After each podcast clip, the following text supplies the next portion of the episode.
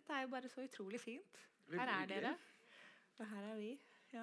Ja, jeg heter Bernhard Ellefsen. Jeg er litteraturkritiker i Morgenbladet og har fått gleden av å snakke med deg, Hanne Ørstavik. Takk i like måte. Gleden er gjensidig. Og med boka jeg snakket om før, viste det seg faktisk. Da jeg satt og bladde i mine notater at vi har jo møttes og snakket om det finnes en stor åpen plass i Bordeaux. For seks år siden også, da den kom. Grunnen til at vi skal snakke om den nå, er at den er på en liste over, de, over 25 moderne klassikere som er utarbeidet i LOM folkebibliotek. Og jeg har sittet i juryen, faktisk. Hæ? Så det er, vi er jo egentlig litt for å hylle den romanen, da. Så hyggelig. Det Ja. er så veldig stas. Um, og det å snakke om hvor bra de gamle romanene dine er, er jo sikkert en sånn, det er en sånn, egen, det er en sånn egen måte å snakke om bøkene sine på. Ja, da var jeg flink den gangen. Ja, ikke sant? Det er så, forferdelig. har jeg fulgt med det siste året. Så har jeg tenkt at det må jo du ha drevet en del med i det siste. har jeg tenkt.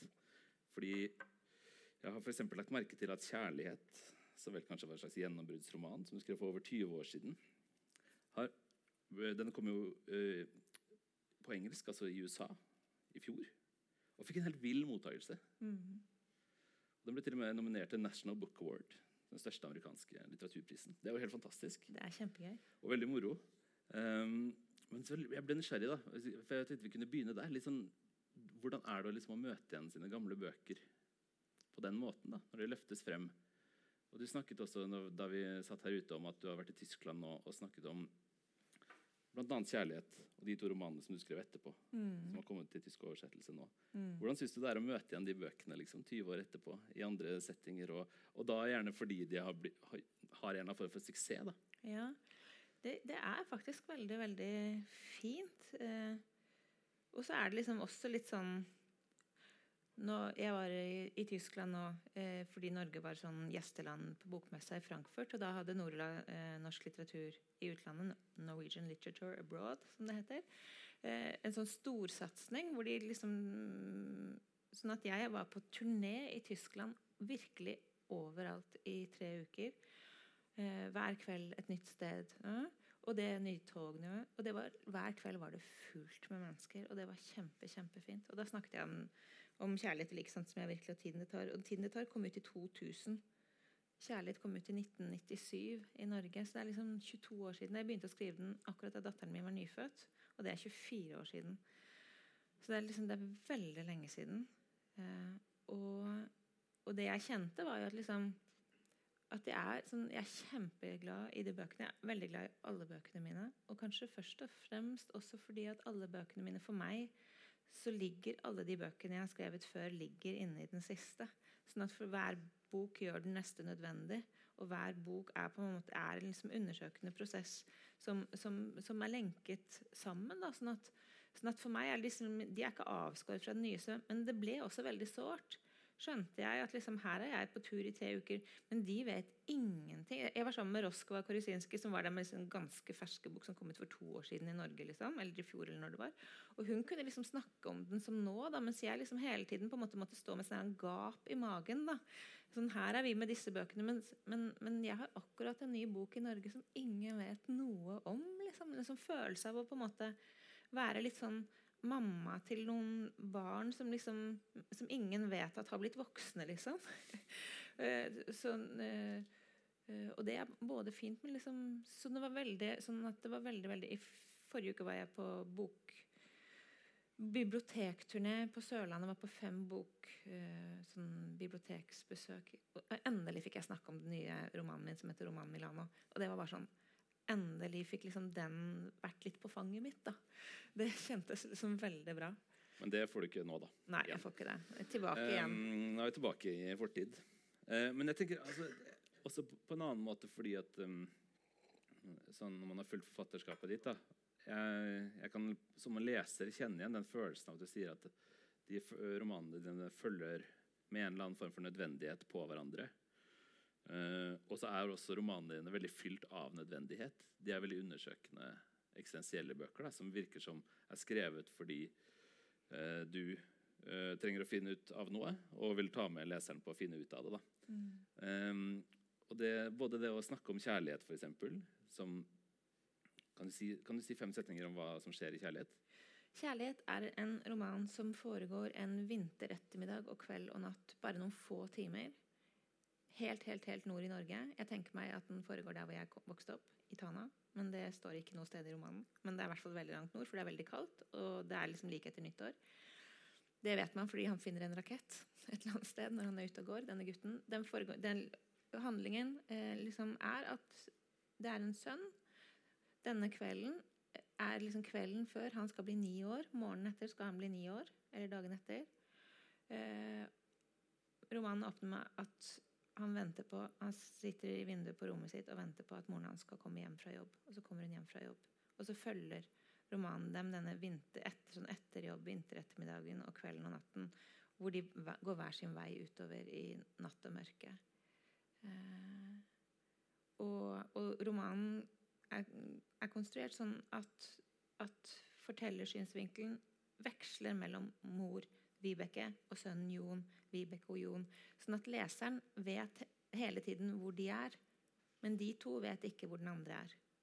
Sånn at, øh, sånn at de ligger liksom I teksten så kan liksom synsvinkelen skifte fra, en, fra, liksom fra, den ene til den andre helt uten å si fra om det. på en måte, Sånn at de er helt tett sammen i teksten, og samtidig så er de øh, veldig langt fra hverandre i den kalde vinternatten. Og Så er det iskaldt, og så er det ute, og så blir det på en måte en eksistensiell trussel da, for barnet. Men, men, det jeg ville til, da, er at det er en veldig vond bok det, hvor det står veldig mye på spill. Mye, den, er, den, heter 'Kjærlighet', men kjærligheten står virkelig på spill i den. da. Og eh, Det er jo noe du har på et tidspunkt i forfatterskapet ditt liksom gått helt inn i mm. eh, og, og, skrevet denne fantastiske lille romanen om. da. Eh, men det er lenge siden nå. og du har skrevet om helt andre ting.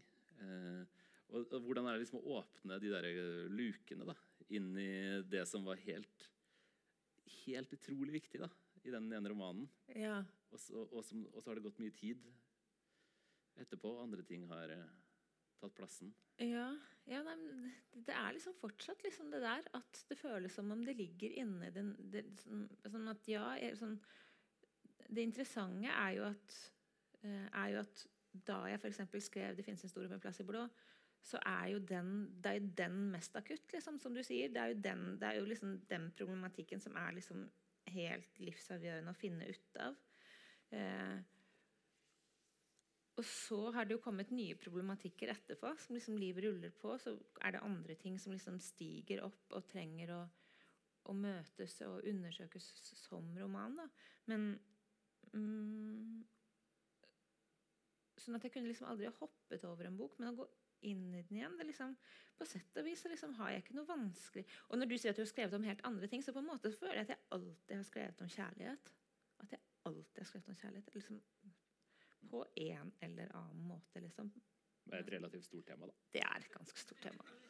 Det går an å si mange ting om kjærlighet. Ja, Men jeg tror at jeg liksom har skrevet om det fordi eh, Jeg husker jeg møtte en svensk litteraturprofessor en gang og jeg var så imponert av det han har skrevet. Han har skrevet så utrolig mye om skuld og ansvar. Og så ble jeg liksom kjent med han, og så skjønte jeg liksom at han har jo skrevet om det fordi det er jævlig vanskelig for han. Og da etter det så har jeg alltid tenkt at jeg har skrevet om kjærlighet fordi det er så vanskelig for meg. Jeg tror liksom at man liksom drives til å skrive om det som du virkelig liksom slåss med. da, på en eller annen måte.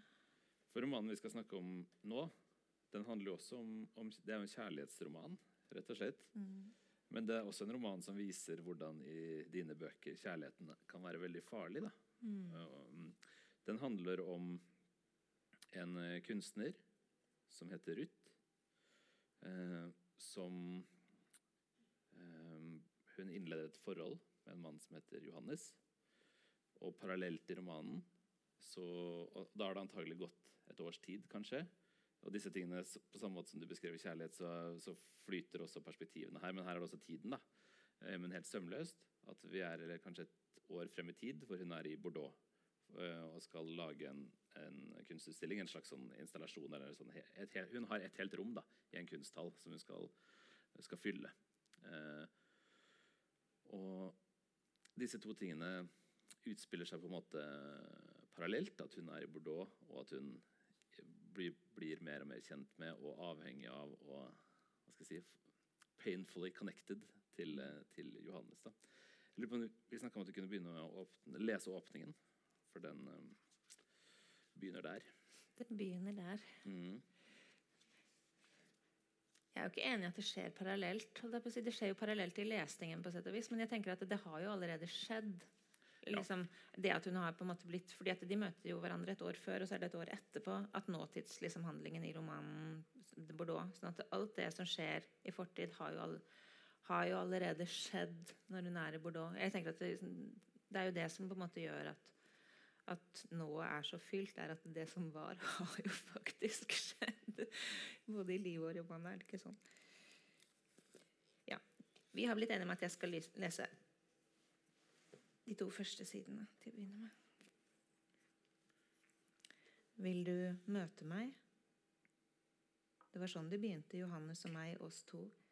Eller det begynte med at jeg leste en artikkel han hadde skrevet i et tidsskrift. Han er kunsthistoriker, og jeg har jo visst hvem han var.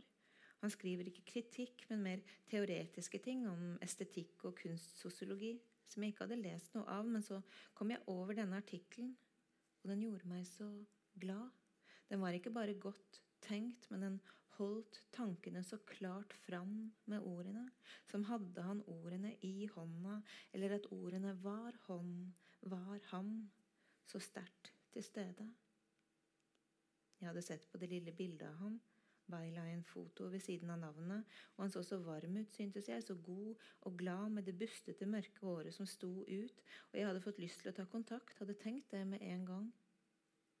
Jeg lagt det bort, men så tenkte jeg igjen dagen etter, og dagen etter det igjen. Og så hadde jeg til slutt gjort det, funnet nummeret hans på nettet, sendt av gårde en melding saklig, med fullt navn både på ham selv og meg, og sagt takk for artikkelen og hva jeg hadde likt så godt ved den. Ikke noe mer, ingen forslag til noe annet, ingen hint. Men jeg hadde tatt kontakt, sagt her er jeg, der er du, jeg ser deg. Dagen etter hadde han sendt et kort svar med takk, hyggelig. Ikke noe mer. Ja vel, hadde jeg tenkt det var det, og tenkt at så hadde jeg i hvert fall forsøkt, og at det var verdt noe, samme hva. Og så, en uke etter, søndag kveld i syvtiden, kom den andre meldingen. Den jeg hadde villet ha hele tiden. Det korte, åpne 'møte meg'. Jeg hadde svart ja. Og så brant det meldinger fram og tilbake mellom oss, og jeg hoppet i dusjen og kjente blodet dunke i halsen. Barberte leggene over kjønnene, så var det deo og sminke og parfyme og klærne, jeg husker ikke hvilke. Bare hoppet i noe, så ned alle trappene og ut på gata, under de store trærne mot bussen gikk jeg. Og jeg kjente meg svak i anklene, og så tindrende, skinnende, blank og lys. Jeg var kommet nesten helt ut på veien der bussen går, før det ble tydelig for meg det han skrev i meldingene som bare fortsatte. Jeg kan komme dit du er, sto det. Jeg er mobil. Men jeg kommer til deg, hadde jeg skrevet, for jeg har en datter hjemme. Ja, kommer du til Vestlandet, skrev han, og jeg hadde svart ja, trodde han tullet. Mente å vite hvor gata hans var, den adressen jeg hadde sett da jeg søkte etter nummeret på nettet. Et sted på den andre siden av byen var det ikke, og jeg visste hvilken buss jeg skulle ta, hvilket stoppested som lå nærmest når jeg skulle av. Men så så jeg endelig hva det var han skrev. Han var ikke i den samme byen. Han bodde på den andre siden av landet. Bergen, sto det til slutt. Bergen. Han hadde sagt det til meg på forskjellige måter i flere meldinger. Men jeg hadde ikke sett det. Jeg hadde trodd alt var sånn jeg selv tenkte det og så det for meg. Men så var virkeligheten en annen. Han var ikke der. Han var langt borte. Jeg snudde og gikk hjem igjen.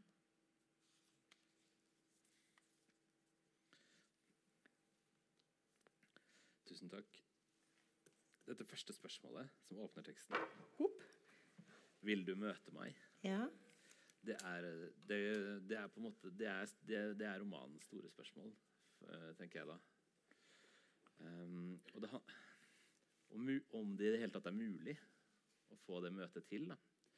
Hun, hun, um, hun begynner liksom eh, relasjonen med Johannes med å være Hun sier f.eks. etter at de har møttes for første gang på, på flyplassen, er det vel, når de skal skilles igjen, så sier han skal vi være kjærester. Da sier hun nei, er du gal, vi skal ikke være kjærester. Eh, Men til slutt blir det helt motsatt. Mm. Eller ganske raskt blir det helt motsatt. Mm. Ja Jeg tror jeg skriver om det og det er han øyeblikket når hun liksom bare plutselig liksom faller inn i et annet nivå av å på en eller annen måte bare bli forelsket. Liksom, at det er et øyeblikk eh, hun kan huske liksom veldig sånn tydelig. Ja, det der med møter jeg, Ja, jeg tenker det. Og jeg tenker også at den at den romanen også gjør det, at det, så, det, som er så viktig i den romanen, er, liksom, er også det der kroppslige. Da. Vi kommer jo inn på seksualiteten etter hvert, sikkert. Men, men også det der han også det han å virkelig være glad i noen. Hvordan du liksom kjenner det så veldig Jeg har liksom tenkt jeg, jeg, er veldig sånn visuell, jeg er veldig veldig glad i å se visuelle strukturer. eh, og linjer og sånn. Eh, ja, her har, her har eh, kritikeren skrevet en eh, Jeg må bare lese dette som kritikeren her nå har understreket. ja, her da. Du kunne nesten lest det høyt. Da, det er, det. Ja, det, skal jeg gjøre det? Ja. Jeg kjenner meg sår over hele brystet. Det kjennes som flaten der foran er en svak, rundet grop. Et fat av sorg, tenker jeg plutselig. Eller er det lengsel? Er det savn? Jeg vet ikke. Jeg vet ikke om det jeg kjenner der, kommer fra langt tilbake, eller om det er noe som strekker seg fram nå, som trenger, eller om det kan skilles ad. Jeg vet ikke. Jeg er sår over hele brystet. Det er alt jeg vet. Ha. Men, liksom, men det er den brystet jeg tenker liksom at Den store, åpne plassen i Bordeaux jeg, jeg er veldig sånn tenker liksom visuelle strukturer den ene oppå den andre. på en eller annen måte, og Jeg syns det er så fantastisk i romanen. Jeg vet, om jeg, vet ikke om noen andre som leser romanen, ser det på den måten i liksom romanens struktur. Men for meg så er liksom store åpne plassen i Bordeaux er på en måte et, en, et stort felt. da, Og brystet vårt er et stort felt. Det er jo her vi vil holde noen inntil oss. Det er her hjertet vårt er. Det er her vi liksom enten beskytter oss og strammer liksom musklene, eller liksom klarer å liksom ha kontakt med liksom det følelsene som befinner seg her, da, på en eller annen måte. Men jeg tenker også eh, at Og også liksom der han eh, Kunsthallen, der hvor eh, Ruth skal lage den installasjonen. Og installasjonen handler også om et møte. da. Hun vil få liksom, folk til å diagonalt gå gå én og én over gulvet, at det skal stå en på midten. Og at det handler om på en eller annen måte å være i et type møte. da. Eh, sånn at Det er også liksom et kunstfeltet som møtested, mulig møtested. Og reflekterer over, også over hvorvidt det er mulig. da. Men alle disse lagene av liksom, lagene av møter. og Hun venter, hun går jo ut av taxien ved den store åpne plassen i Bordeaux og venter, lurer på om Johannes kommer til å komme. For det er liksom suspensen i romanen er på en måte Han har liksom sagt at han skal komme. Men kommer han til å gjøre etter et par-tre dager når hun skal liksom montere denne utstillingen og få den opp? Eh, kommer han til å komme, eller? Kommer For I løpet av det året som går, så får hun aldri noe ordentlig ja på spørsmålet 'Vil du møte meg?' Det er, liksom det, det, er, det er, jo det vonde Selv om det er jo han som spør henne 'Vil du møte meg?' Men, men, men, men vil han egentlig møte henne? Ikke sant? Så ja. Og hun blir hun, Det er jo kanskje det, da. Det er jo, det er jo, tross alt en ganske klassisk ting i kjærlighetslivet. da, At um, hans tilbakeholdenhet kan gjøre henne mer avhengig av, uh, av meldingene og av um, signalene og sånt. Men, men, det er likevel noe litt voldsommere som står på spill her, føler jeg, da, enn bare en sånn uh, Han spiller ikke kostbar. Jeg føler ikke at det er det som, uh, det som skjer når han ikke på en måte vil gi henne noen nærhet. da. Um, han, han føles litt farligere enn det, Johannes hans avvisninger. Farligere, ja. Jeg husker da jeg leste dette Den har kommet ut på italiensk. Så var jeg på sånn presentasjon i Italia og leste dette. Så var det en dame på første benk hun bare fnyste høyt og sa Ja, men det er jo helt åpenbart. Han er homofil! var, hun hadde liksom løst det en gang for alle. Uh, uh, men fordi problemet, liksom, særlig for Ruth, er jo etter hvert sånn, han, vil møte, han, vil gjerne være veldig nær henne sånn åndelig, sjelelig, billedlig. Eh, liksom, de har en scene hvor de går på fjellet sammen, og er konger og dronninger. Liksom, av, liksom, jeg tenker meg som Jotunheim, Hardangervidda liksom Alt liksom, det store liksom, uh, troll og De er liksom konger og dronninger i det riket sammen. Og der kan de være sammen liksom, i, i, fabuleringene, i drømmebildene, og også i det intellektuelle. Uh, og sånn, Men det fysiske hvor blir det av det? Og det, jeg tenker at Denne romanen her, liksom, den åpner også med å si at Ruth på en måte liksom, endelig har hun kommet fram til Hun har en datter på 17 år. Endelig har hun kommet fram til et sånt punkt. Og det er vel kanskje gjerne sånn. Eh, damer i den alderen. Liksom, at endelig så bare liksom løsner det, og ting blir liksom gledesfylt og lett. Og hun vil bare liksom veldig gjerne Hun vil veldig gjerne ha sex. Og når hun endelig blir glad i han, så vil hun jo liksom elske med den mannen hun elsker. Mens han da sier at 'jeg har et liksom plutselig pornografisk begjær', og det der liksom det er ikke deg jeg tenner på da. Jo, han sier ikke akkurat det akkurat sånn, men underteksten er veldig klar. Det er jo det han sier. Det er ikke liksom det er ikke, ja, det er ikke, Hun er liksom ikke en del av det for han. da det tenningsmønsteret hans liksom har i den grad snakke om tenningsmønstre. Hvorfor gjør vi det? Jeg tenker at Seksualiteten er så, blitt så ekstremt frakobla i vår kultur. Frakobla alt som har kontakt å gjøre. Men det har jeg liksom undersøkt i den boken og de to romanene etterpå. Jeg har liksom holdt på med den seksualitet og kjærlighet da, på forskjellige måter. Men eh, hvordan de er forbundet med hverandre. Men, og er de det, osv. Men for Johanne så er det jo i hvert fall tydeligvis ikke det. da.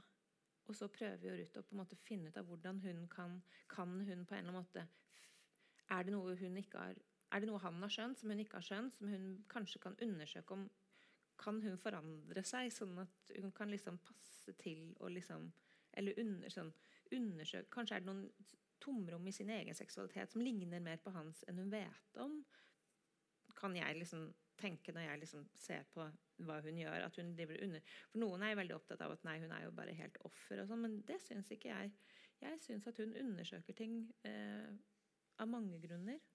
Hun søker jo hun søker jo en eller annen for overskridelse. Det, det, er jo en del av ditt, um, en del av ditt språk også. da. Du mm. bruker ordet råk for mm. eksempel, mye. Det er en positiv ting. Det er når, når noe åpner seg. da. Mm. Det er til og med is som åpner seg ofte. Så det er jo liksom de, de to store motsetningene. da. Uh, og hun søker den typen åpninger veldig aktivt. Men, for hun har, jo, hun har, jo, en annen elsker, mm. som er en eh, superfin fyr. Som kommer og møter henne i trappa når hun ringer på, og kysser henne og kan snakke vanlig og være hyggelig. Og, og, og til og med er, er, eh, er, deilig å ha sex med. da ja. I motsetning til han her Johannes, da som er ubrukelig på absolutt alle disse områdene. uh, men han, han, han andre han hører vi veldig lite om. Og han, jo, han representerer jo åpenbart ingen uh, uklarhet. Mm. Ingen u, det, er ikke, det, det, er ikke, noe der som en ikke allerede vet hva er. Mm, det er, det er veldig, veldig rett. Det er veldig interessant, det du sier der. Men hvorfor, um, hvor, hvorfor ligger uh, hennes sannhetssøken så veldig sterkt i den risikable retningen, tror du? Jeg vet ikke nødvendigvis om det er risikabelt. Jeg tenker at Det er jo også veldig interessant Jeg syns de to første sidene er veldig interessante som inngang til romanen. Da i forhold til at, uh, at sånn, hun ble forel nesten forelsket i han, eller hun ble tiltrukket ham på vegne av en tekst. Og et byline-bilde. Og et bitte lite byline-bilde. Men teksten, liksom jeg tenker at da, hva, skjer, hva er det? Jo, en tekst Det vet jo vi som liksom er glad i både å lese og skrive. liksom, sånn, Tekst går jo utrolig dypt inn i oss. Tekst når oss veldig, kan nå oss på veldig dype nivå. Eh, og så eh, også det med at liksom, jeg trodde virkeligheten var en annen. Han er jo faktisk i en annen by. Det har hun ikke fått med seg engang. Sånn hun, liksom, hun lever jo litt i en drømmeverden. da. Eh, sånn at hva, liksom, hva, er virkelig, og hva er ikke? Hvor, hvor, som, så det, er ikke, sånn, det er jo hun nå som på en eller annen måte befinner seg et eller annet merkelig sted. Så jeg tenker at Men jeg tenker jo at Jeg vet ikke om jeg, må, jeg, kan vel kanskje fortelle det, hvordan, hvordan denne romanen kom til stand. Da, eller Eh, den, den, som jeg sa, at alle romanene på en eller annen måte den ene gjør den andre nødvendig. og Den romanen jeg har skrevet før denne, er en roman som heter 'Hyenene', som kom i 2011. Som er en roman som for meg liksom slutter veldig lyst. da. Eh, jeg skal ikke bry dere med hva den handler om, men jeg husker at da jeg var ferdig å skrive den, så, så var jeg så innmari glad. Jeg husker at jeg hadde sånn intervju med, med noen for vinduet, eller hva det var for noe. Jeg liksom sånn, eh, jeg tror overskriften på det intervjuet er uh, hvis, hvis, jeg er glad, kan jeg skrive da?' Jeg var liksom så, bare så utrolig glad. Jeg husker Mamma fortalte at hun hadde sett noen som hadde sett meg løpe i Frognerparken og hoppe og danse. Og det er sant. Jeg til og med gjorde det. liksom. Men når jeg var ute og løp liksom, og hørte på musikk. og liksom, Jeg bare var veldig glad. Og, og, men så begynte det å dukke opp noen veldig illevarslende bilder i mitt indre. Og jeg tror jeg jobber veldig sånn at, at jeg skriver veldig på de bildene som kommer. da. Eh, og, og, sånn som jeg tenker om det, så jeg tenker veldig sånn eh, om det at, at Litt sånn jungiansk-aktig. At, at, eh, at, et, at, vi lever på et stort sånt underjordisk hav av felles billedmateriale som på en eller annen måte vi kan undersøke og, og på en måte foredle og, og, ha nytte av da, for, å, for, å, for, å, vokse på en eller annen måte. Og, og, tenker jeg, og disse bildene var kjempekonkrete, og de foregikk i Bordeaux. Mm. Eh, skal jeg fortelle litt om dem? Ja, gjør det. Ja. Eh, det, for så var det, det var veldig rundt denne store plassen i Bordeaux. så var det for eksempel, bare sånne veldig veldig korte små sekunder av noen bilder. For så var det å bli trukket etter en hestekjerre. Og da så jeg liksom alltid for meg at det var et menneske som ble trukket som var bundet på hendene, og som ble trukket på, liksom på maven etter denne hestekjerren. Sortkledd. Alt var veldig sånn svart-hvitt. Sortkledd. Det, øh, og det var liksom det ene bildet var å bli dratt etter denne hestekjerren på magen. Og det andre bildet var liksom bare rett og slett å stige ut av en sånn hestekalesje og liksom se nedover sin egen kropp. Og så var det sånne svarte bukser, svarte blankpustede sko, og ikke vite om jeg var mann eller kvinne. Eller dette jeget som så nedover seg selv. da. Jeg visste ikke om det var en mann eller kvinne. Og, og også liksom sånne veldig sånne øyne, en veldig små sekund av liksom giljotin som liksom bare falt ned. Eh, og, det var så, og alle disse bildene var, veldig, var sånn smertefulle bilder, men de var også for meg var de også veldig seksuelt ladede. Og jeg kunne ikke forstå hvorfor, for det var jo ingenting i de bildene som var, som var seksuelle i seg selv. liksom. Men de var det for meg. var de det. Så, så jeg skjønte at her er det en roman. Jeg var sånn sånn Min Gud, min Gud, liksom. Så må jeg liksom må jeg gjennom dette. Så jeg visste liksom her er min neste roman. Det er liksom det, enten så er det dette, eller så er det liksom, eller så er det liksom ikke noe. Så, så, så det er liksom så jeg brukte lang tid på liksom å vente fram liksom, vente fram Ruth liksom, og skjønne hvordan jeg kunne liksom, få henne til å reise til Bordeaux. For Fire år før hadde jeg vært tre dager i Bordeaux for å lansere en annen roman som var oversatt til fransk. Og da gikk jeg mye tur i Bordeaux. Eh, Sånn at jeg hadde liksom vært i denne kunsthallen. Sånn at etter hvert så liksom fant jeg ut at jeg, For jeg skjønte at jeg måtte sende hovedpersonen min dit for å liksom få disse bildene til å begynne å rulle og gå. Da, for å skjønne hva som var inni dem. Uh, ja, og så da, Disse bildene er jo til dels med. Eh, mm. i, og det er, um, romanen er også strukturert rundt veldig mange bilder. Mm. Det, det, skytes inn bilder. Um, det er veldig mange kunstverk med. Mm.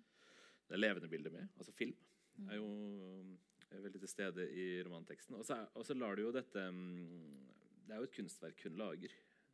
Og det er jo når romanen åpner med setningen 'Vil du møte meg?', som slår opp liksom den akutte situasjonen vi er i, da, så blir det ganske tydelig også at hun, hun forsøker å undersøke det året hun har vært igjennom kunstnerisk. da. Og hun, hun lager jo nettopp slags, et slags torg da, inne i kunsthallen, mm. eh, som jo er et sted Eh, både for at folk kan møtes, og så videre, men også for at folk kan eh, halshugges. For eksempel, hun, hun, slår liksom opp den plassen hvor alle disse tingene kan mm, Det skjønte jeg ikke, sånn har ikke tenkt på det, men det var fint sagt. Finne rom. Ja, men det, litt, det, er, det står egentlig i boka. um, liksom, Gode leseren. De, de, settes, de, settes, litt uh, ved siden av hverandre. da, Giljotinen og, mm. og møtet på plassen. Den franske plassen. Det er sant. Det har, sånn har jeg ikke tenkt på det. Veldig bra, Bernhard. Veldig bra. Det, jeg prøver ikke å liksom få nei, nei, men karakter, at, altså. nei, nei, men jeg tenker at møtet er jo farlig. Er, møtet er jo sånn, Å bli giljotinert er, er, jo den andre muligheten i møtet. Jeg tenker at møte mellom to mø, Å virkelig møte noen er jo liksom det det er liksom det mest risikable vi kan gjøre. Og, kan liksom, og vi kan jo faktisk gå ad undas i et møte. Vi kan jo det. Så det er sant. Og det skjer jo på en måte her, da. fordi at dette møtet mellom Johannes og, og Ruth, det blir av, som vi, vi, nå skal snakke om, tenker jeg, av seksuelle grunner av begjærsgrunner, så blir det et veldig sånn høyspent og vondt møte på mange måter. da, Siden eh, Johannes stiller begjæret sitt i en helt annen retning enn henne. da. Um, du, du antyda at um, Eller skal vi lese først?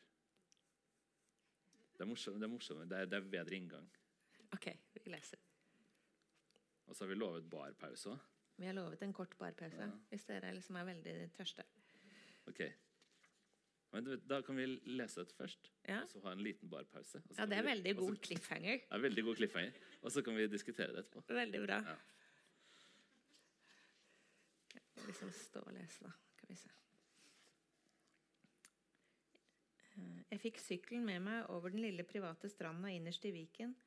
Så kom jeg ut på gresset på den andre siden. Det gikk nakne menn i forskjellige retninger, ned mot vannet, opp fra vannet igjen, fram og tilbake til plassen sin. Det kom en ned fra kiosken med en pølse i hånda. Senere gikk jeg til kiosken selv for å kjøpe kaffe. Naken sto jeg der med den lille posen med penger og nøkler og mobil og snakket til den påkledte asiaten der inne i skuret. Uff, jeg, blir så lattermild jeg leser. Jeg må bare prøve Eh, Inne i skuret. Hele dagen sto han der i kiosken som var en, som en tilhenger med hjul. Jeg tenkte på det mens han fylte kaffe i kruset mitt, hvordan det måtte være å stå der og servere varm toast og pølser og is til oss nakne mennesker. Jeg satte sykkelen i stativet i skyggen innunder trærne. Det er to rekker med pissoar ved siden av. Store plastdunker. Det kom en og annen mann fram, fram dit og gikk oppe og sto der og tisset mens jeg låste sykkelen. Det luktet urin. Jeg fikk løs nettet og gikk ned mot plenen. Fant en ledig plass langt oppe bak, inne ved trærne nesten, helt på siden.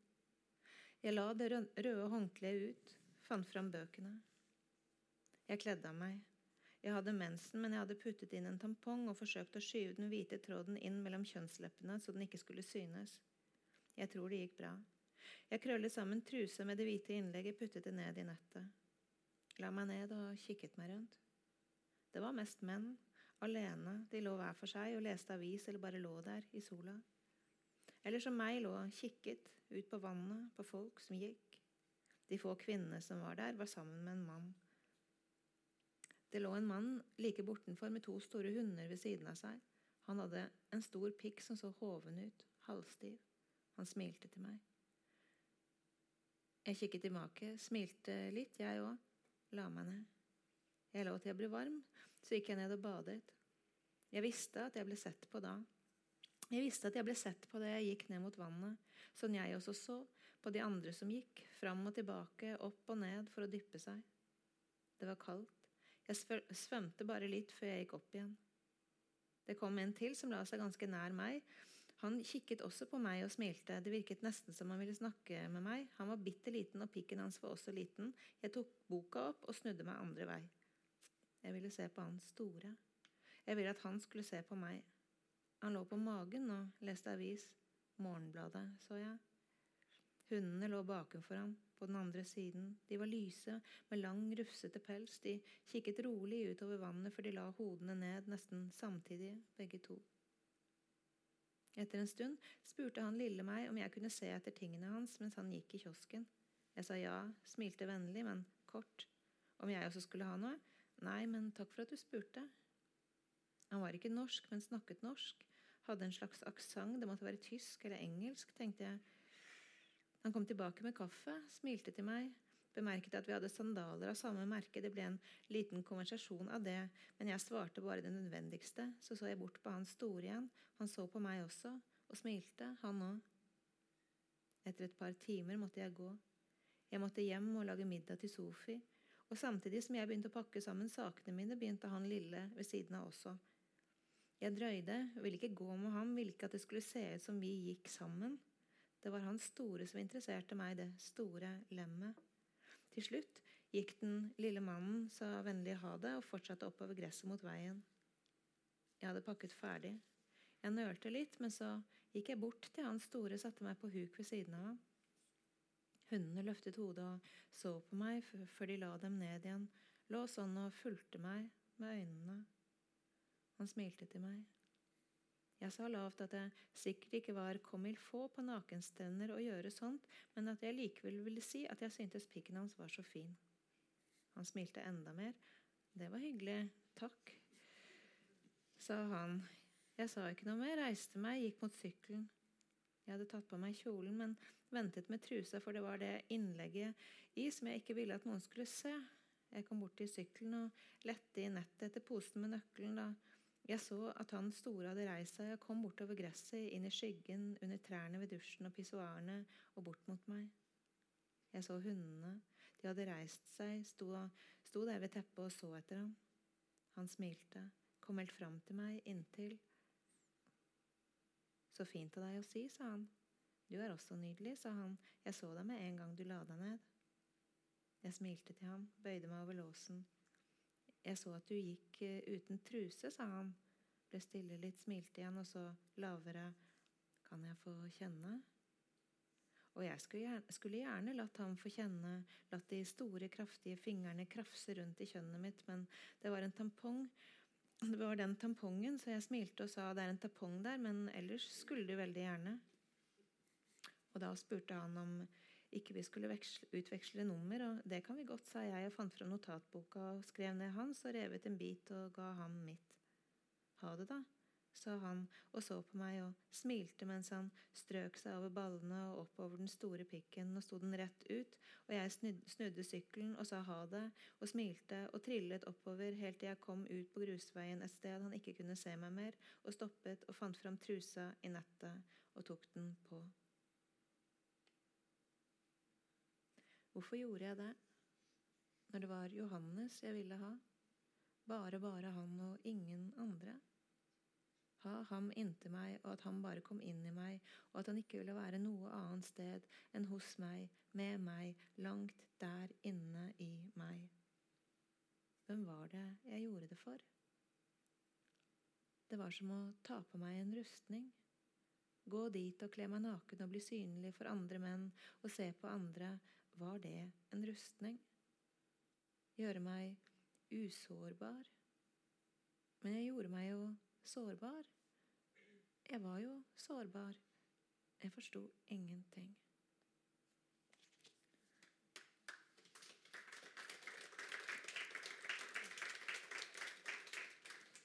Sånn. Nå er det pause. Fem minutter? Fem, syv, åtte minutter. Yes. Så fint. Da er jeg veldig spent på hva vi skal snakke om nå, da. Nå skal vi snakke om sex, da. Um, uh, for det må vi jo. Uh, uh, som jeg nevnte for deg, Da jeg gjenleste den boka, så er det utrolig mye mer sex enn jeg huska. og så så jeg i notatene mine fra forrige gang vi snakka om den, at vi har snakka om, om, begjærets plass i denne boka. Det er veldig sentralt. men det var enda mer sentralt enn jeg, enn jeg huska det. da. Og ut fra det du leste før vi var i baren, så tenker jeg at det er i hvert fall to typer begjær her. For det er jo et veldig lekent begjær, det du, det du leste opp. Og det er jo at, um, at Ruth er på huk. Uh, men, det, er, det, er, jo en lek. Og den, den føles veldig fri og, og, fin for min del som leser. Liksom. Den føles ikke veldig det, Den refleksjonen på slutten, om det er en rustning eller ikke, kom nesten overraskende på. For jeg føler at hun er liksom uh, fri, da.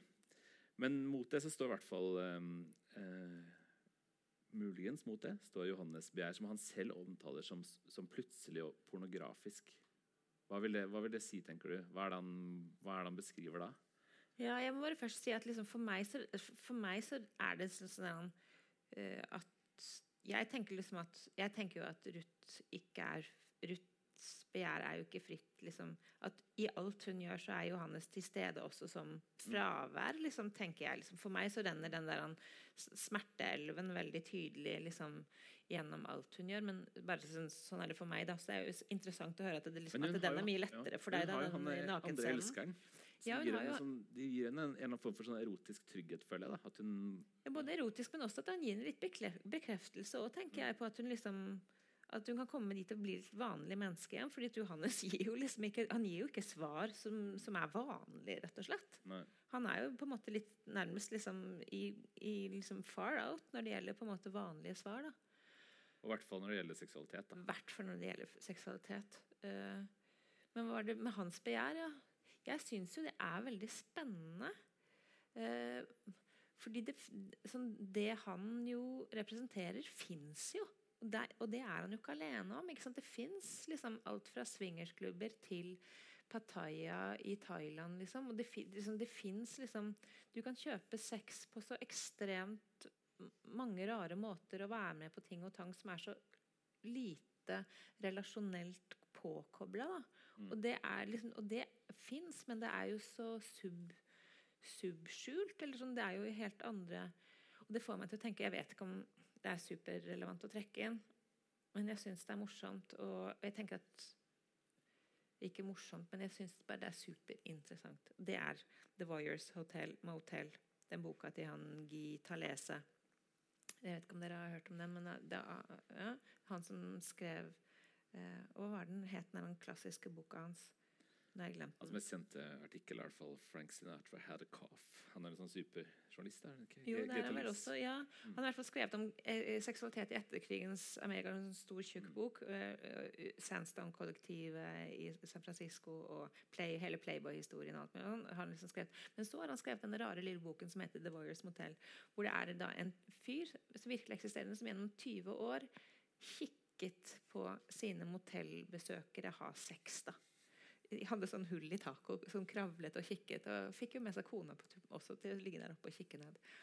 Disse, og han førte liksom en e egen liten statistikk, da. Og denne statistikken syns jeg er så interessant, fordi, den, fordi han førte sånn statistikk, og, og ifølge hans totalt liksom uvitenskapelige statistikk, så var liksom de sånn, så, så liksom mm, Så var det de som var ømmest og mest omtenksomme mot hverandre når de hadde sex, det var faktisk lesbene. Når det var to kvinner. Så jeg tenker at liksom, Hva forteller dette? Og så har vi liksom hørt om sånne gaybarer hvor man liksom kan gå og stikke pikken inn i et hull. Så er det noen som gjør noe på den andre siden hvor du ikke liksom, du vet ikke hvem det er engang. Liksom. Eh, som er liksom den andre ytterligheten av liksom, to måter å forholde seg til liksom, det å være kropp på. da. Eh, så jeg tenker at liksom Det er jo et eller annet Ikke nødvendigvis med mann og kvinne i seg selv, men, hva, liksom, med hvordan har vi konstituert eh, eh, eh, det maskuline og det feminine i, i vår kultur. For jeg tror at vi begge, to, begge, ja, begge kjønn har både maskuline og feminine liksom, ting og tilganger og sånn. Men det, det, dette er ikke et spor jeg tenker vi skal forfølge. Jeg hadde bare lyst til å si det. Han kaller, han kaller begjæret sitt for pornografisk. Da. Og det er jo å henge hele seksualiteten sin på en type bildeproduksjon. Mm. Og det, det blir jo veldig vesentlig i beskrivelsen av hans seksualitet. Og det er jo derfor også han ikke Han, ikke, han kommer henne ikke i møte rett og slett av denne grunn. Da. Først så kan man jo tenke at uh, de ok, de, de kommer ikke nær hverandre, da. Eller de, de får ikke noe god seksualitet pga. hans pornografiske begjær. Men til slutt så er det jo faktisk det som skaper nesten hele avstanden mellom dem. Mm. Og det, det pornografiske begjæret kommer til uttrykk i romanen også helt ned i språket, nesten. Ved at hans um, seksuelle handlinger da, beskrives på det som vil liksom fremstå som en sånn gjenkjennelig pornografisk vis. Da. Det er med trekanter og, og, mm, og liksom eh, gammel mann og thailandsk eh, kone og trekant og det, liksom, det, det henter for et annet billedspråk da, enn dine andre beskrivelser av seksualitet for eksempel gjør. Mm. Han, det er et lag av bilder da, mellom han og seksualiteten, og det, de er pornografiske. Mm. Som, som gjør, som det, det, det, og det liksom farger hele hans menneskelighet, egentlig. da. Mm. Jeg vet egentlig ikke helt hva jeg skal si til det. Jeg tror Jeg tror For meg å skrive denne romanen eh, tror jeg også var at Jeg tror nok at det er veldig interessant, for jeg, nå har jeg vært på tur med kjærlighet, og i kjærlighet så er det masse Så er, så er denne Jo, denne lille gutten, han er veldig opptatt av eh, av tortur. Uh, og driver og snakker litt om tortur, men moren hans hører egentlig ikke etter. Så det blir liksom aldri noe mer av det. Men der er det i hvert fall tortur. Og i, i den romanen som kommer etterpå, 'Like sant som jeg virkelig', så, liksom, så har hun unge jenta som da I den romanen hun har noen sånne fantasier om en jente som blir misbrukt og er liksom lenket fast i en seng. Og blir sånn. jeg, tror at, jeg tror nok at i min liksom, i min liksom I skyggestedene i min indre verden så tror jeg det har vært veldig mye farlig knyttet til seksualitet som jeg egentlig aldri har liksom, helt forholdt meg til. Så å skrive denne boken var, var nok også for meg veldig liksom å, å på en eller annen måte mm, dykke inn i alt det uh, smertefulle, liksom, på en eller annen måte. da. Uh, uh, litt også der, han- det du er redd for, har et eller annet type grep på deg, liksom, mens det du liksom har sett liksom inn i, kan du kanskje også fri deg fra. Jeg vet ikke. Men det betyr jo ikke at man på dødeliv skal se inn i absolutt alt. Men bildet spiller en veldig stor rolle i beskrivelsen av det også. Altså En veldig sentral scene sent i boka er f.eks. en MMS da, Ja. som um, Ruth får av, uh, av en, um, en ung dame i, som står og bø- bøyd framover, og som har på seg ja, noen klær som blir beskrevet Men det, det fester seg veldig i henne, da. Når Johannes er endelig sender en melding, når han endelig sender en melding, så er det med dette bildet. Da er han ute på byen Ja. og på en strippebar og sender et bilde av en dame som står og liksom og, og stripper eller Mhm. er naken eller et eller annet. Det er litt vanskelig å se. Men i alle tilfeller. Men det er et bilde, da. Ja, det er et bilde. Det, hvor vil du hen med dette her, Bernhard? Dette med bildet? Om, nei, altså jeg vil om bildene da, generelt. Du snakka i stad om at det var stor avstand mellom det relasjonelle Mm. og, og seksualiteten. da. Altså mø- Møtet mellom mennesker og det at de ligger sammen blir to forskjellige ting. Det er, veldig, det er veldig til stede i han. Og det er veldig lett å tenke at det har noe med det pornografiske begjæret og bildene å gjøre. Mm. Hans seksualitet til å etterligne bilder. Ja, og jeg tenker at det er jo da Når du på en eller annen måte og, og hvorfor gjør hun det, tenker jeg. Jeg tenker at liksom Jeg, jeg syns jo det er så interessant med de romanene jeg har skrevet etter, etter denne, da, som på en måte utforsker seksualiteten på andre måter. Jeg tenker også å, å grave stadig ny, dypere i på en måte hva slags møte er mulig mellom to. da, og hvis en, liksom, og Fordi møtet også på en eller annen måte, Du må jo ha tilgang i deg selv for å kunne møte en annen òg. Du kan jo ikke møte en annen og bedre enn du kan møte deg selv på en eller annen måte. Så Eller på et dypere nivå. sånn at jeg tenker liksom, Det er jo interessant det at, at, at Ruth på en måte ikke har skjønt at han bor i Bergen, til og med. Sånn, hun har jo også tydeligvis masse fantasier som han på en eller annen måte uh, Som jeg tenker også liksom dette med uh, Ja, som hun ikke vet Kanskje ikke er så klar over, hun heller. Over hva hun lengter etter, liksom. Sånn, men hun lengter i hvert fall etter et, et mer liksom konkret møte enn det han enn det Johannes kan få til stand. da. Men begjær er jo liksom noe som trekker mennesker mot hverandre. Ja. Her føles det som noe som står imellom dem og holder dem atskilt. ja, fordi de begjærer forskjellige ting, rett og slett. Hun begjærer han, og han begjærer disse pornografiske liksom, strukturene, da. Eller åpningen eller mulighetene. Og sånn at jeg, vi snakket om det litt på bakrommet, men liksom når hun da går på Når Ruth da går på nakenstranda, så, så, så er det liksom det spørsmålet men hvorfor gjør hun det? Så gjør hun det for sin egen del, for å utforske liksom Og jeg har tenkt, sånn, Da jeg skrev det, så, så, så visste jeg egentlig ikke helt, jeg heller. Jeg skrev det for liksom, å finne det ut. Eh, og jeg vet ikke helt om jeg har funnet ut heller, men det fins i romanen som, som spørsmål fortsatt. Da, men eh, sånn, gjøre det liksom, Noen ganger så kan man liksom gjøre det for å, være, for å forstå Johannes, på en måte for å være nær han gjennom å gjøre noe som han For han liker veldig godt å gå på nakenstranda og ligge der og kikke, har han sagt, f.eks. Sånn at liksom, det der han Gjør hun det for å liksom på en eller annen måte være i hans rom? da, For å være sammen med han i noe han pleier å gjøre? Eller gjør hun det for å finne ut av om hun har sånne rom i seg selv, som hun ennå ikke har utforsket eller åpnet muligheten for at fins? Jeg tenker at Dette møtet med Johannes kaster henne jo ut i en så veldig sånn utforskning av liksom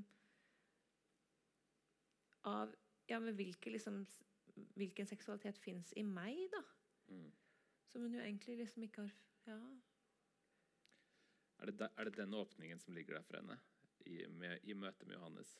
At han, eh, han nettopp viser henne liksom de farligere sidene i hennes egen seksualitet. Hun etterligner jo også hans begjær. ikke sant? Ja, hun gjør jo det. på. Jeg Og vet ikke. Ja. Gjør det også når hun er i, i Bordeaux. ja. Så søker hun jo bort fra lyset, liksom, bort fra den åpne plassen. Og ned i mørke klubber og, og bort fra der hun kan ha oversikt. da. Og til steder hvor eh, hans begjær kanskje fins. ja. Og hvorfor det? Jeg- Alt det der jeg syns jeg liksom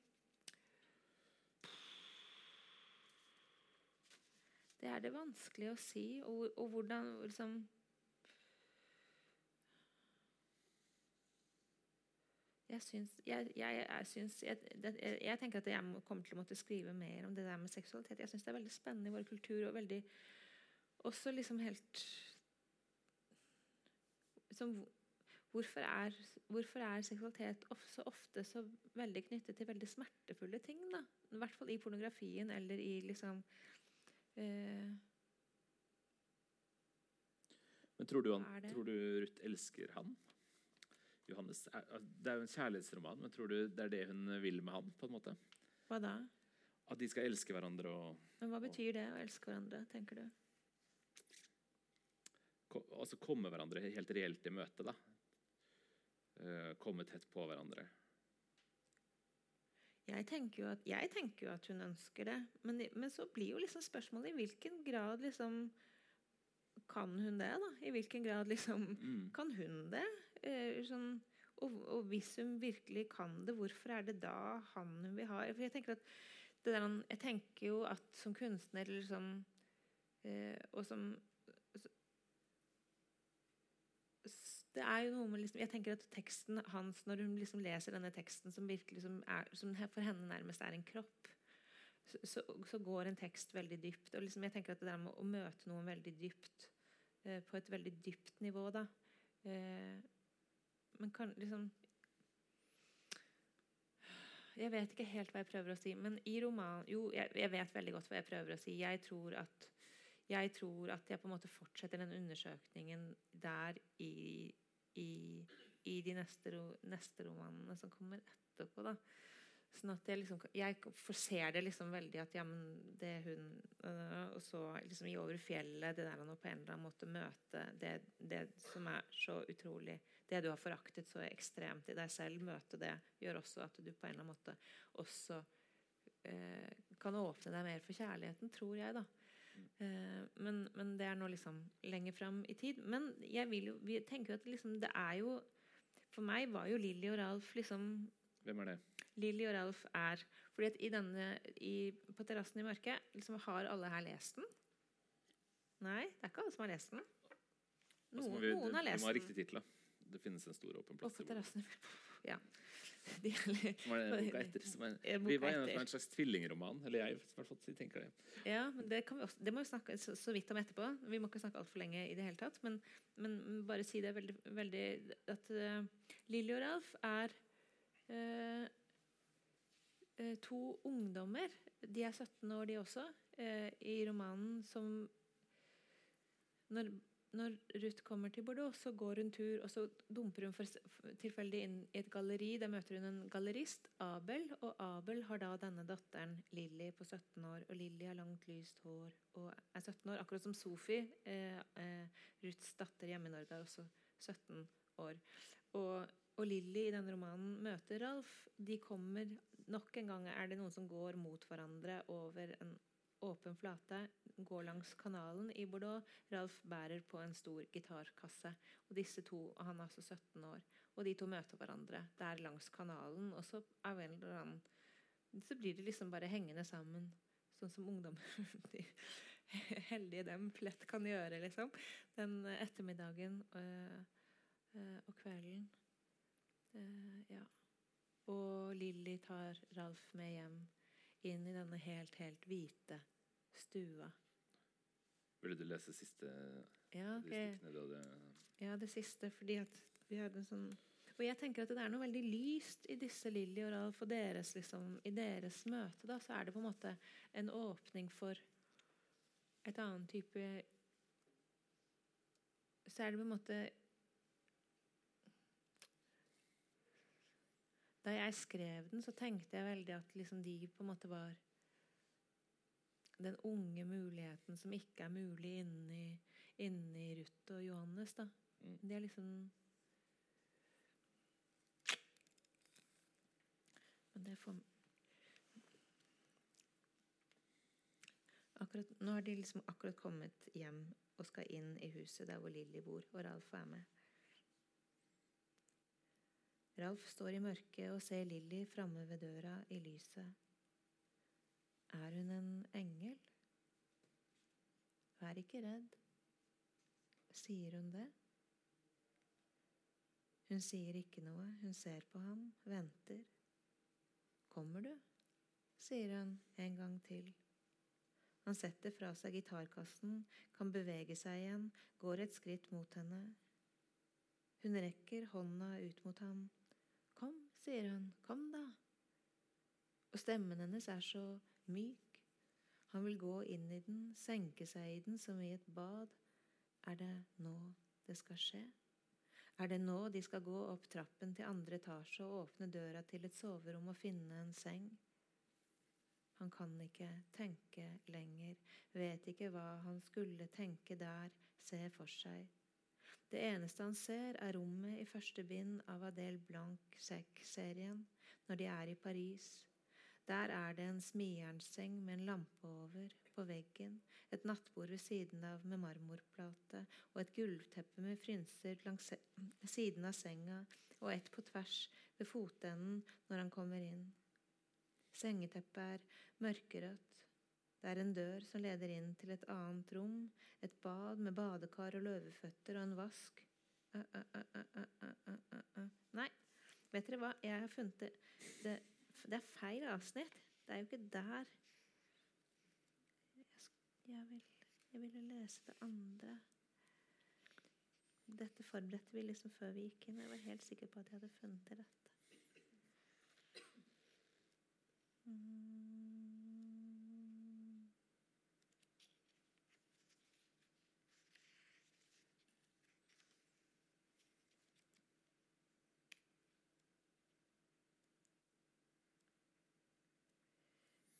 Jeg skjønner ikke dette her. Jeg skjønner ikke hvorfor det ikke er her.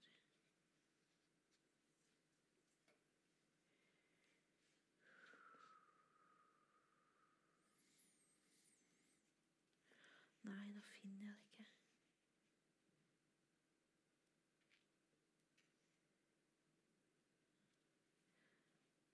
Det, det jeg hadde lyst til å lese, nemlig Det er her et eller annet sted. Men eh, det er at For det syns jeg at fordi at Ralf han har jo aldri hatt sex med noen før. Og han skal jo da inn med, liksom, med Lilly inn i det huset, og så har han denne gitarkassen. Og så blir det så farlig at han klarer ikke, han klarer ikke bevege seg engang. Han bare blir helt stiv. Og så tenker han liksom at, at Det føles som om det er en stor vanndam mellom dem. Liksom som et eller annet uoverstigelig. Og så tenker han at liksom I gitarkassa har han et gevær. At han kan bare drepe henne. Og det hadde jeg lyst til å lese, men det er det jeg ikke finner, da. 147. Er det sant? Ja. Det er utrolig bra supplering. Det er utrolig bra. Hvordan visste du at det var der? Det var der du stoppa. Fantastisk. Da bare leser jeg det nå. Ja, det er bunnsolid. Tusen takk. Det er skikkelig publikumdialog her. Ralf står i hallen i det store huset. Det er en smal hall med en trapp opp, opp langs den høyre veggen. Det er mørkt. Lilly gikk rett fram med en gang, rett inn og slo på lyset i rommet innenfor. Lyset derfra kom i en stripe ut i hallen. Det slutter like før der han står.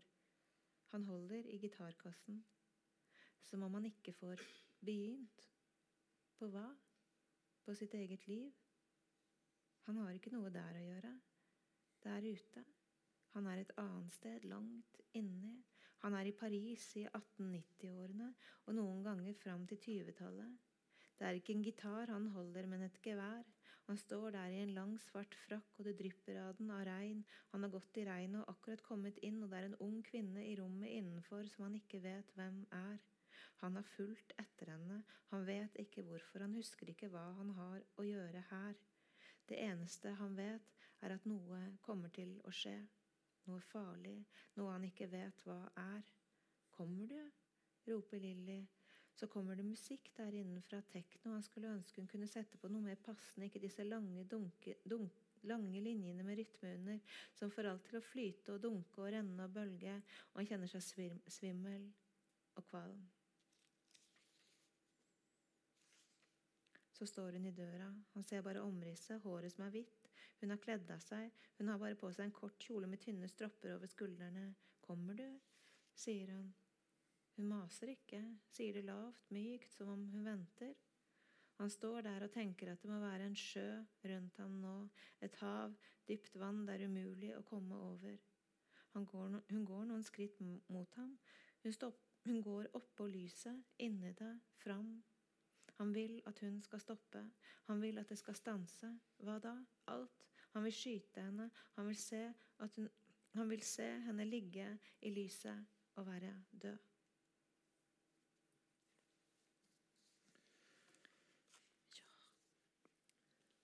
Tiden løper litt fra oss. Skal, vi, skal vi um, spørre om det er noen spørsmål? Ja, vi kan vel egentlig det. På, på sett og vis er det liksom sånn uuttømmelig. Vi kan snakke og snakke. Ja, ja, og vi har lovt at, vi ikke skulle, at det ikke skulle vare evig. Ikke sant. Um, ja. Er det noen som har noen spørsmål? Så er det veldig hyggelig, det. Jeg har bare lyst til å si én ting da, før vi slutter. En ting som jeg ikke, ikke har fått snakke om, og som er rett og slett noen som er den andre perspektivet. som at Jeg skrev en roman da jeg selv hadde en datter som var 17 år. Og jeg skjønte ikke før jeg skrev, fordi at Ralf har en mamma Ralf bor i sånn høyblokk. Ikke noe sånn, Lilly kommer jo fra denne rike galleristfamilien, men Ralf bor i en høyblokk utenfor, liksom i suburbia utenfor Bordeaux. Og mammaen hans venter på han, og mammaen hans eh, lag mat, lag mat klar til han og røyker og står og ser ut av vinduet i høyblokken og venter på han. Og, og, hun kjenner at hun gruer seg sånn. Jeg bare kjenner nesten med å gråte når jeg snakker om det. Men hun gruer seg sånn til han skal flytte hjemmefra. Hun blir klar, så plutselig blir hun klar over at snart skal han dra. Og det, liksom, det, der, liksom, det, det, var ikke jeg klar over selv. For jeg skrev om hun mammaen til Ralf langt der utenfor at, at det liksom også var der. Det er sånn jeg tenker at det å skrive roman er så rart. For liksom langt, langt inni romanen så, så er det som om romanen liksom snur og liksom kommer tilbake mot meg og sier Hei, dette hadde du ikke tenkt på. så ja, det var veldig Ja. Bare, hadde bare lyst til å si det som en liten sånn ting på slutten. Da, da, slutter vi der. Da slutter vi der. Ja, Med romanen som titter tilbake på det. Mm. Tusen takk. Takk til dere. Takk for at dere kom.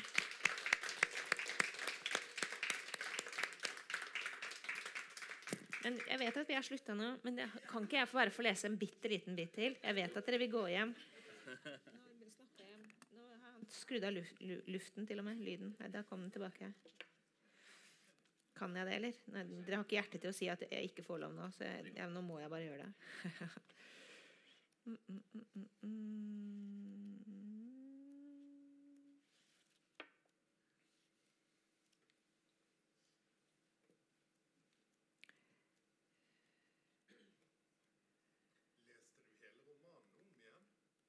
Når da? Før jeg kom i dag? Nei, ikke jeg. Men han han har gjort det. Han har jobba skikkelig bra. Sånn. Eh, jeg bare tenkte at jeg skulle bare lese Bare lese liksom akkurat det der med hun mammaen da, som venter på han. Det er, bare, det er ikke langt, bitte lite her. Hun vet også at her hvor blokkene står, her hvor de bor like utenfor Bordeaux, her på de markene på de markene det var her før blokkene ble bebygd under krigen. Da var det her de ble samlet, jødene, før de ble sendt videre til Tyskland med tog. Under Vichy-regimet, lenge før hun, før hun ble født. Og ingen i familien var jøder heller, men det var her, på disse jordene, og det var han som var sjef, og den samme mannen som beordret motstanden mot demonstrantene. Ah, ah, ah. Hun visste ikke Nei, skal vi se. Hun visste ikke eh, om det da de flyttet hit. Det var noe hun fikk vite siden og overhørte. En dag hun var nesten ferdig i barnehagen. På kjøkkenet, tørket over benken, sto hun med kluten i hånda og hørte noen si 'issi' her.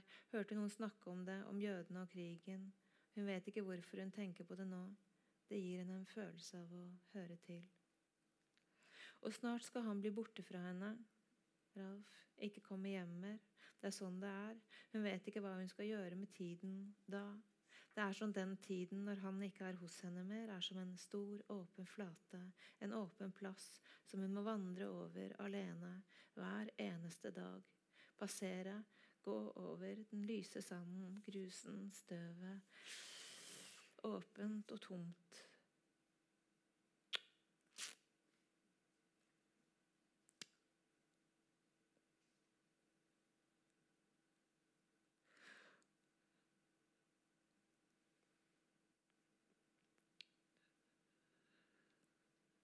Og alle kan se det.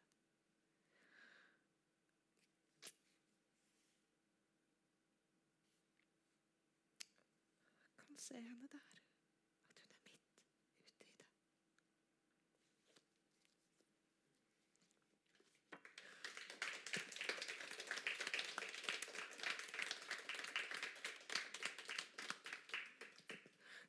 Det kom overraskende også på meg.